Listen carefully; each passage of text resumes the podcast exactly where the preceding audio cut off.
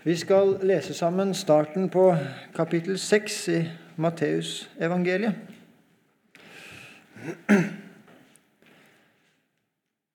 Men aller først så folder vi hendene og, og ber sammen.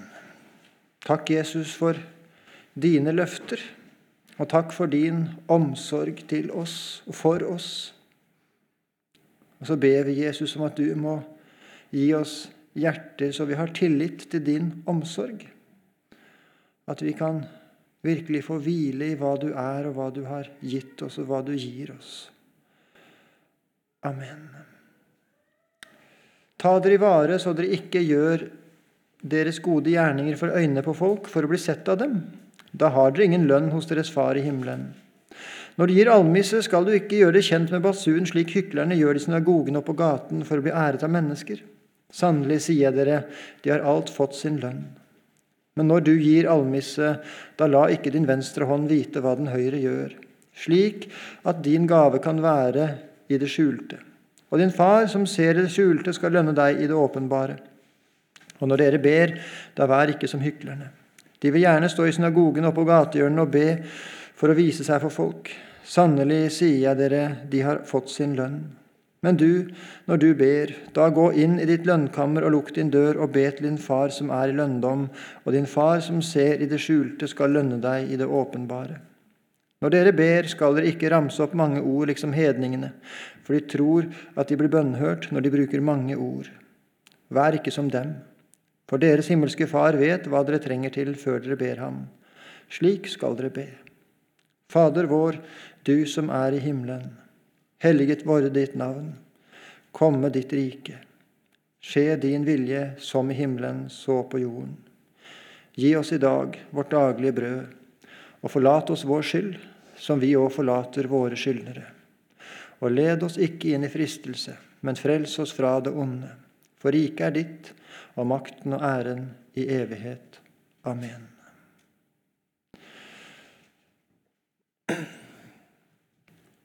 Her beskriver Jesus en forskjell mellom fariseernes måte å tenke på og den måten han tenker på, og den måten en kristen tenker på.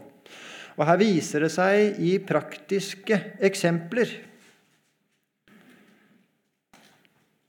Fariseerne søkte ikke egen ære egentlig.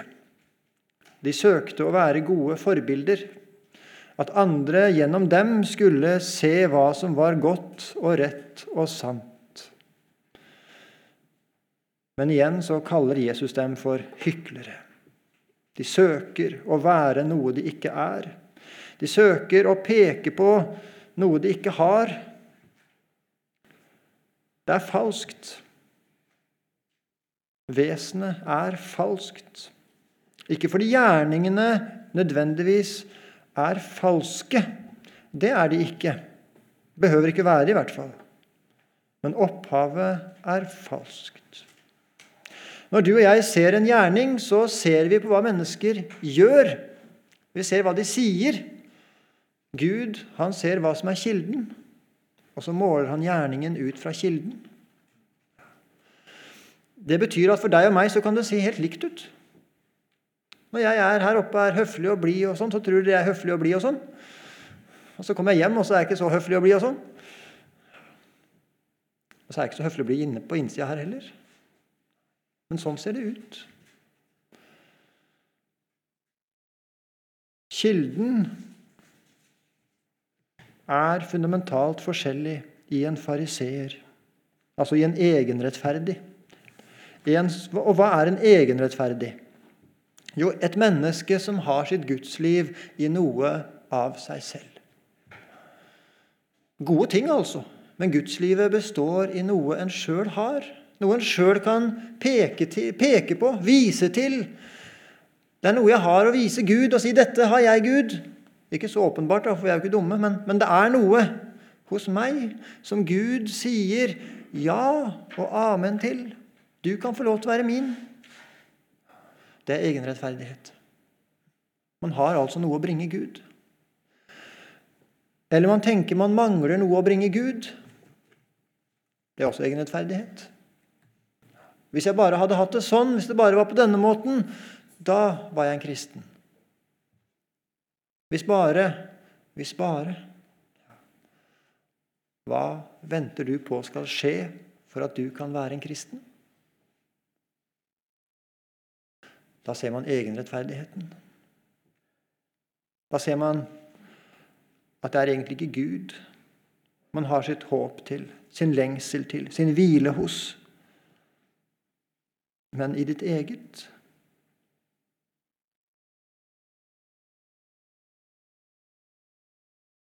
Så gjorde fariseerne det sånn at de, de ga gaver. Og de gjorde det synlig, sånn at menneskene skulle se at de ga. Og jeg må si jeg har mer enn én gang gitt fordi jeg vet at her er noen som ser at jeg gir, og det bør jeg gjøre. Det er ikke så fint å være på prekereise og så ikke gi noe i kollektkurva. Det passer seg liksom ikke. Nei, Sånn bør det være. Det er hykleri. Det er ikke sånn det skulle være.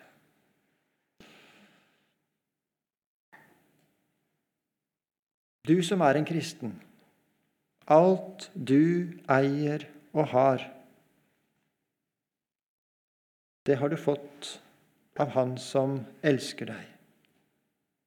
Inntil ditt intellekt, dine krefter, din lyst til det gode. Alt er av Han. De pengene du har tjent, de evnene du har, som sagt, utdanninga di, alt har du fått av Han. Den eneste forskjellen mellom deg og en som ikke har, er at han ikke har fått det. Hun ikke har fått det. Hva vil det da si å gi? Jo, det vil jo for det første si å gi tilbake av det du har fått.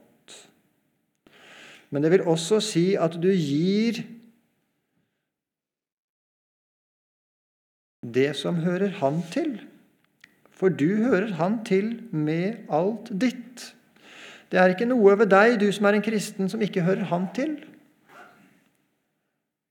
Dine synder har Han. Dine evner hører Han til. Din tid hører Han til. Alt er Hans. Men her viser Jesus til noe spesielt. Og En gang så illustrerte han det ved tempelkisten. Der var det mange som la mye i. De ga ikke, men de la mye i. Og Så kommer det en fattig. Hun hadde to denarer. I gammel bibel så står det vel noen øre. Og så sier Øyvind Andersen ja, det er vel noe mer nå. Det er det man kan klare seg på en tre-fire dager. Kanskje litt mer. Og Hvis du tenker på din og min husholdning, så er det betraktelig mer enn noen øre hva du og jeg klarer oss på noen dager. Men, men likevel så ga hun altså det hun sjøl hadde bruk for. Hun hadde ikke det hun trengte de neste tre dagene. Det ga hun til sin Herre.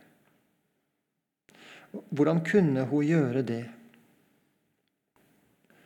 Jo, for hun visste at han er hennes herre. Han er hennes hyrde. Og hun kunne stole på at hun kom ikke til å lide noen nød. Å gi det betyr altså det å dele med andre det en sjøl har bruk for. De fleste av oss vi gir av vår overflod, og det hører med, det også. Men det er egentlig ikke å gi, altså, ut ifra denne forstand. Å gi, det er å gi andre det en sjøl har bruk for. Og der har vi igjen det store forbildet. Det var en som ga deg sitt liv. Han ga deg sitt liv. Sitt liv ga han til deg. Var du takknemlig? Ja, vi er veldig takknemlige, vi som er kristne. Og Samtidig så viser vår omgang med synden at vi er slett ikke takknemlige. Hvor lett er det ikke å velge synden? og trø på det blodet som rant. Det er stor utakk. Sånn skal du og jeg også tenke når vi gir. Ja, vi gir ikke for takkens skyld. Vi gir ikke for å få noe tilbake. Vi gir ikke for at noen skal, skal på en eller annen måte se at vi gir. Nei, da har vi allerede fått vår lønn, og det er av denne verden. I alle disse tingene her så er det en tosidighet. altså. Det er en tosidighet om at vi skal gjøre det som er i strid med vår natur, med vår kjød. Og samtidig så er det en hvile i det. Alt dette er det en hvile i. Alt i dette er det en hvile i. Gud, han har omsorg for meg. Jeg skal slippe å ha omsorg for meg selv. Den neste måneden skal jeg slippe å ha omsorg for at det er nok penger til det jeg trenger. Jeg skal slippe å passe på at det ordner seg for meg. Det gjør han. Og så viser det deg og meg at det første bud Vi hadde ikke behøvd noen flere bud for å vise at jeg er fortapte. Av døgnets timer, hvor mye stoler du på det første bud? holdt jeg på å si, På Gud? Hvor mye holder du det første bud i løpet av dagens timer? At han tar seg av deg? At han har omsorg for deg? At han er din hyrde i alle ting? At om du skulle gi bort alt du hadde, så ville han ta seg av deg enda bedre enn det du evner sjøl? Å nei. Så betyr ikke at du og jeg skal gi bort alle våre penger hver måned. Det er ikke sånn det er tenkt. Vi, har et forvalteransvar. Men det er Ja, det kan ikke forklares. Det kan det ikke. Og Så kommer vi til det å be. Og her også er det en hvile i dette å be. Kristendom det er ikke en plikt. Det er en, en hvile. Det er en rett. Det er en frihet. Jeg hører Herren Jesus til, og han tar seg av min sak i alle spørsmål. Han er min far, en god far. Ikke en sånn far som jeg er, ikke en sånn far som du er hvis du er far, men han er en god far. Han er en trofast far. Han er forbilde for alle fedre. Og du skal få lov til å hvile i at han er din far, og han har omsorg for deg i alle ting. Og få lov til å bare be Fader vår. Her har vi med himmelens skaper å gjøre. Her har vi den tre ganger hellige, hellig, hellig, hellig. Og han er min far. Han sørger for meg i alle ting. Ingen kan røre deg uten at han lar det skje. Det betyr jo ikke at det går sånn som du og jeg tenker at det skal gå. Nei, Såpass lenge har vi levd at det vet vi at det gjør det ikke. Det går andre veier enn vår vei. Men hva som enn skulle skje, så er du i Hans hånd. Hva enn som skulle foregå i ditt liv, så er du i Hans hånd. Og for en frihet å kunne be Fader vår. Alt mitt ligger i din hånd. Gjør hva du vil. Får jeg virkelig være ditt barn? Ja, det får du. Og Da ser vi også at Fader vår det er en bønn for disse som hører Jesus til, og ingen annen. Det er ikke en sånn religiøs for alle. Sjøl om han på ett vis er alles far, alles opphav. Alle skal en gang stå til rette for han som han står til rette for far. Men han er virkelig far-far bare for de som er hans barn. Og Så sier Rosenius Tenk hvor hjelpeløs et naturlig menneske er i en slik situasjon. Å måtte leve og oppføre meg i alle ting slik at Guds navn blir æret. Ja, det, det er godt for en kristen, men for en tvang det er for det naturlige mennesket å skulle måtte og skulle måtte og skulle måtte. Fader vår. Og så sier jeg ikke bare min, men vår. Jeg vil stanse litt kort ved det. at du og jeg, vi hører sammen, vi. Vi som skal til himmelen. Vi som er renset av blodet, vi hører sammen. Og det er underlig. Du og jeg, vi hører sammen. Ikke fordi vi har felles interesser. Ikke fordi vi syns det samme er morsomt. Ikke fordi at vi, vi, vi har samme utdanning eller andre ting som man, Vi driver ikke med golf alle sammen, og derfor sitter vi her og er interessert i det. Nei. Det er noe som er dypere enn som så. Du og jeg, vi har blitt tilgitt våre synder. Vi har blitt renset i lammets blod. Og det knytter oss sammen. Det er viktig å være der hvor de andre som har tenkt seg til himmelen, er. Det er viktig å møte de andre der hvor to eller tre er samlet. Det er spesielle løfter ved det. En, en, lærer, en, som var lærer her tidligere, han brukte ofte uttrykket 'å samle glørne'. En glo som blir liggende alene, den vil ganske snart dø ut. Men der glørne samles I dag fyrte jeg opp hjemme for første gang denne sesongen her. Der glørne samles, der vil ikke bare glørne holde seg varme, men der vil også det som er rundt, ta fyr. Det vil det. Det er gloens natur. Der hvor glørne samles. Der blir det varmt. Det blir godt å være glo, skal jeg bruke det uttrykket. Og så kan andre også ta fyr. Det som er tørt, det som er dødt, det er vel ikke noe som er stort sett stort dødere og tørrere enn et tørt trestykke. Men så fenger det. Vær der hvor ordet blir forkynt. Ikke bare der du syns at alt er riktig sånn som du vil ha det. Ikke bare der hvor de menneskene som oppfører seg sånn at du kan like de, er. Det er et samfunn av syndere, Guds rike. Det er et samfunn av mennesker som trenger tilgivelse. Det gjør de andre òg. Om ikke alt er rett av jordiske, menneskelige ting, søk inn der. Gjør det. Fader vår, du som er i himmelen. Ikke du som er i himmelen som fjernt borte. Ikke som du som er i himmelen som en som har plassert seg på en sky. Sånn tenkte jo deistene.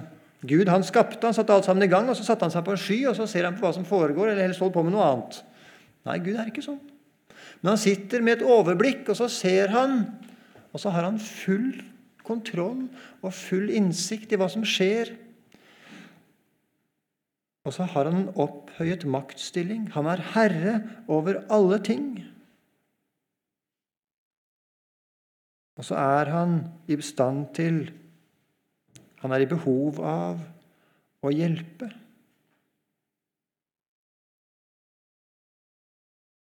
Disse to tingene er viktige begge deler. Han er i stand til. Det betyr at han klarer, han har de evnene som skal til for å hjelpe.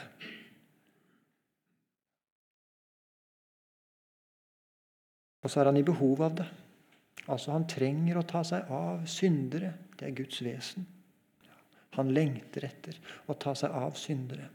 Det hadde vært vondt og vanskelig hvis det var sånn at du hadde behov for å hjelpe noen, men du ikke fikk hjelpe den, for den, den var for langt borte, kanskje. Kanskje opplevd det at det er noen som har det vondt og vanskelig, men du kan ikke hjelpe dem, for de er for langt borte. Du rekker ikke dit. Det lar seg ikke gjøre. Og så er det noen som er i stand til å hjelpe. De er rike, men de bryr seg ikke. Har ikke noe behov. Har nok med sine egne behov. Sånn er ikke vår far. Han har trang til å hjelpe. Herren er ikke langt borte fra noe menneske som kaller på ham. Herren er nær hos alle dem som påkaller ham, hos alle dem som kaller på ham i sannhet, som er i himmelen. Helliget vorde ditt navn. Ja, om dette sier Øyvind Andersen at det er forskjell på å si 'kongen leve' og 'la kongen leve'. La kongen leve, sier Øyvind Andersen. Det er jo litt som om kongen står på skafottet. Han skal henges eller han skal drepes, og så la han leve likevel. Ja, Det er ikke noe makt over denne kongen. Men leve kongen, ja, det er noe annet. Her står det 'leve kongen'.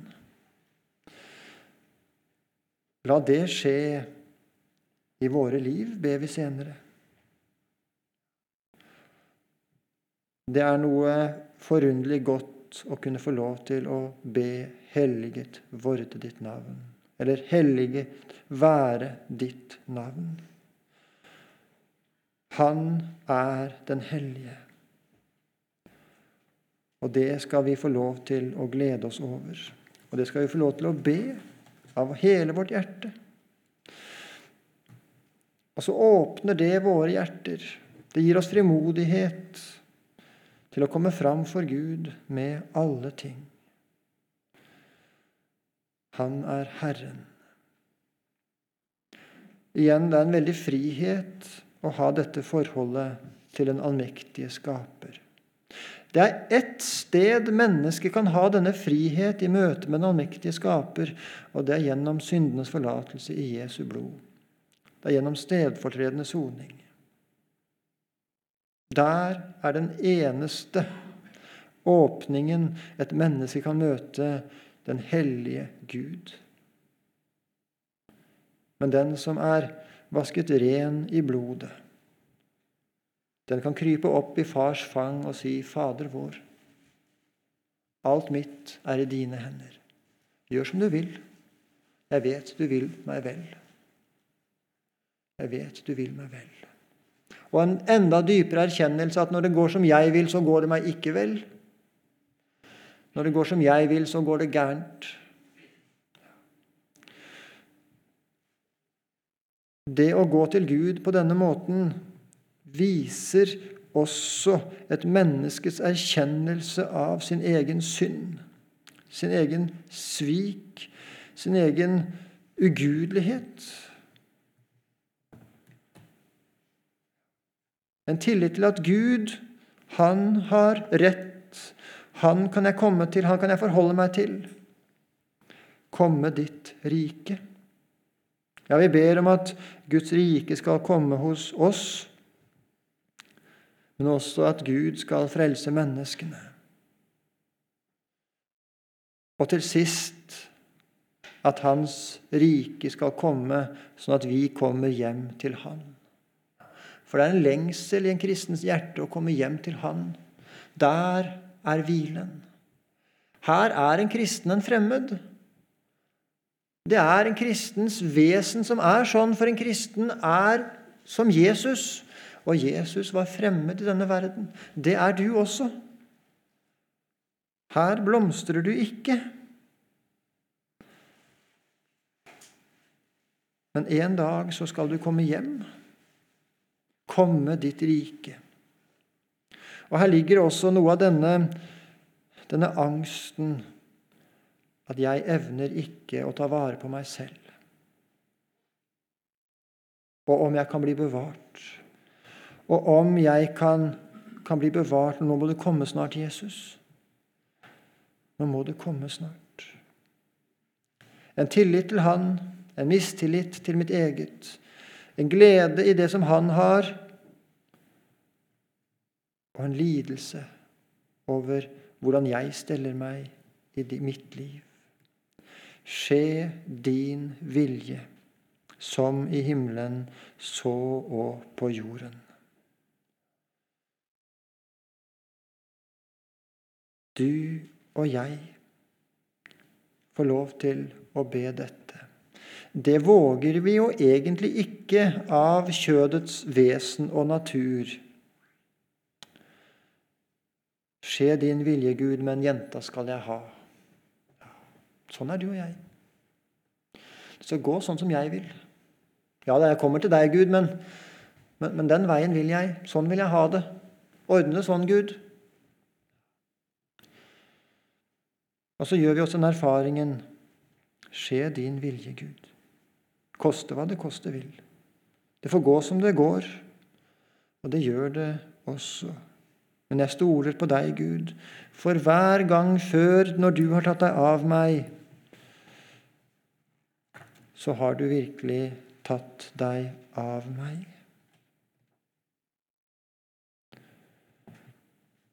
Og vi ber om at Han må opplyse vår forstand, så vi kan forstå hva Hans gode, velbehagelige og fullkomne vilje er. Og i tillegg fylle våre hjerter med kjærlighet, med fryd og med kraft, så vi også må kunne utføre hva vi har forstått er Hans vilje. Vis oss, Gud, hva du vil at vi skal gjøre. Legg disse menneskene i min vei som du vil jeg skal møte. Gi meg disse skrittene å gå, så jeg kan gå din vei. Gjør meg, Gud, til et kar som ærer deg.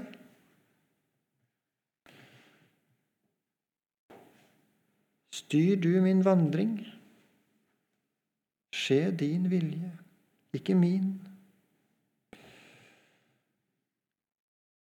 Død, o Gud, min vilje. Jeg kan jo ikke selv døde den slik jeg bør, men gjør det du.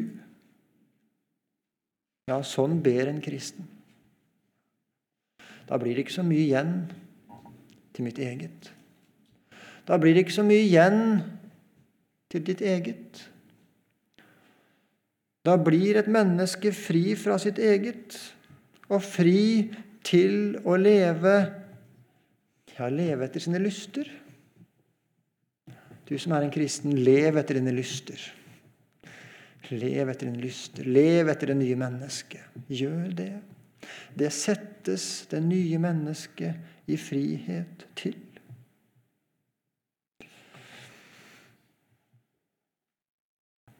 Gi oss i dag vårt daglige brød. Så sier Rosenius om dette. Det er noen mennesker som ikke har noe behov for å be Gi oss i dag vårt daglige brød, og som ser ned på disse menneskene som ber Gi oss i dag vårt daglige brød. Det er liksom så verslig. Det er litt, sier Rosenius, som disse som fortsatt bor hjemme hos mor og far og får alt de trenger. De har ikke noe behov for å, noe som helst. De får alt det de trenger. Det er kanskje en del av oss som sitter her i dag, som har det sånn at vi egentlig ikke behøver vårt daglige brød. Det skaffer vi sjøl. Det ordner seg. Vi har inntekter her, vi har inntekter der.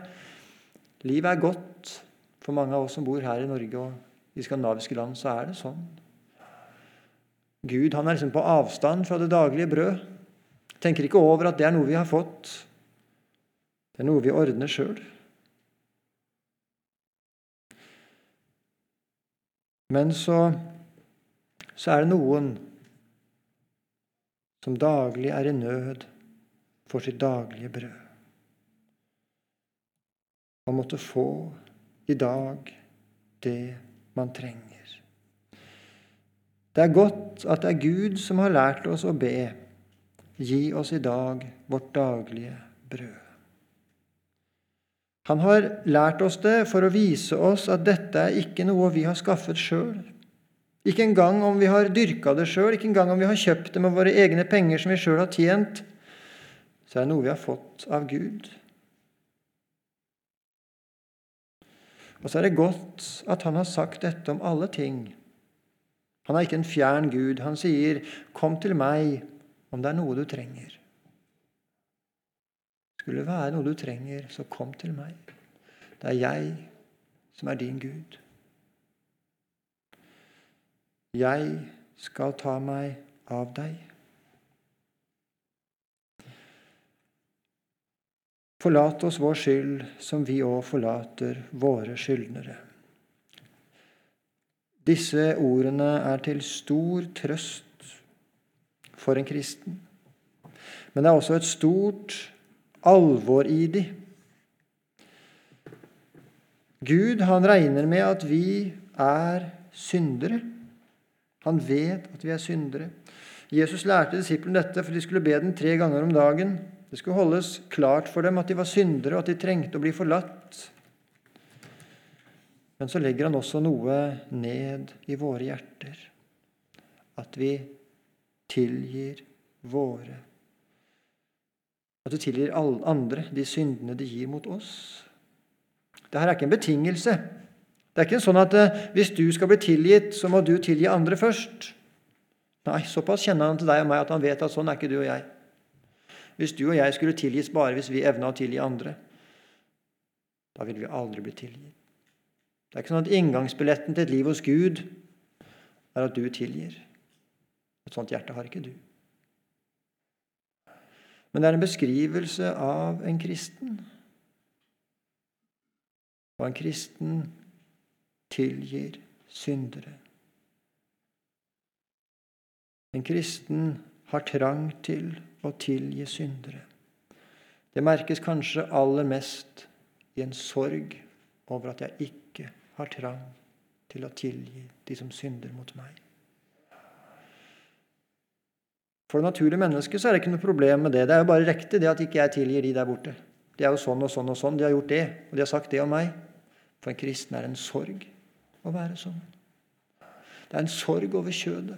Det er en nød over å være sånn at jeg ikke tilgir min neste av hjertet.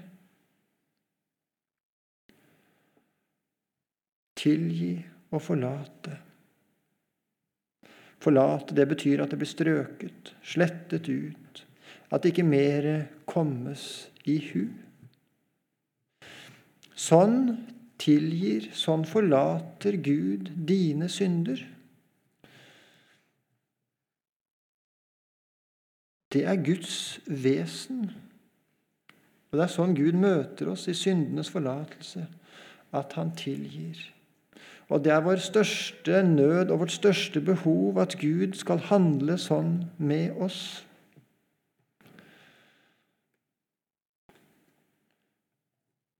Jeg tenker vi avslutter med det. En kristens største glede, største frihet, det er å være renset i lammets blod. Og det har med seg en følge. Den følgen er god for menneskene rundt oss, og denne følgen den er den som bevarer oss ifra egenrettferdigheten, fra versligheten, fra kjødet. Å leve dette nye livet, leve i fiendskap med kjødet, leve i fiendskap med synden, det å stadig rense seg, det bevarer deg fra deg selv. Du er din egen verste fiende. Og Jesus, han er din beste venn. Amen.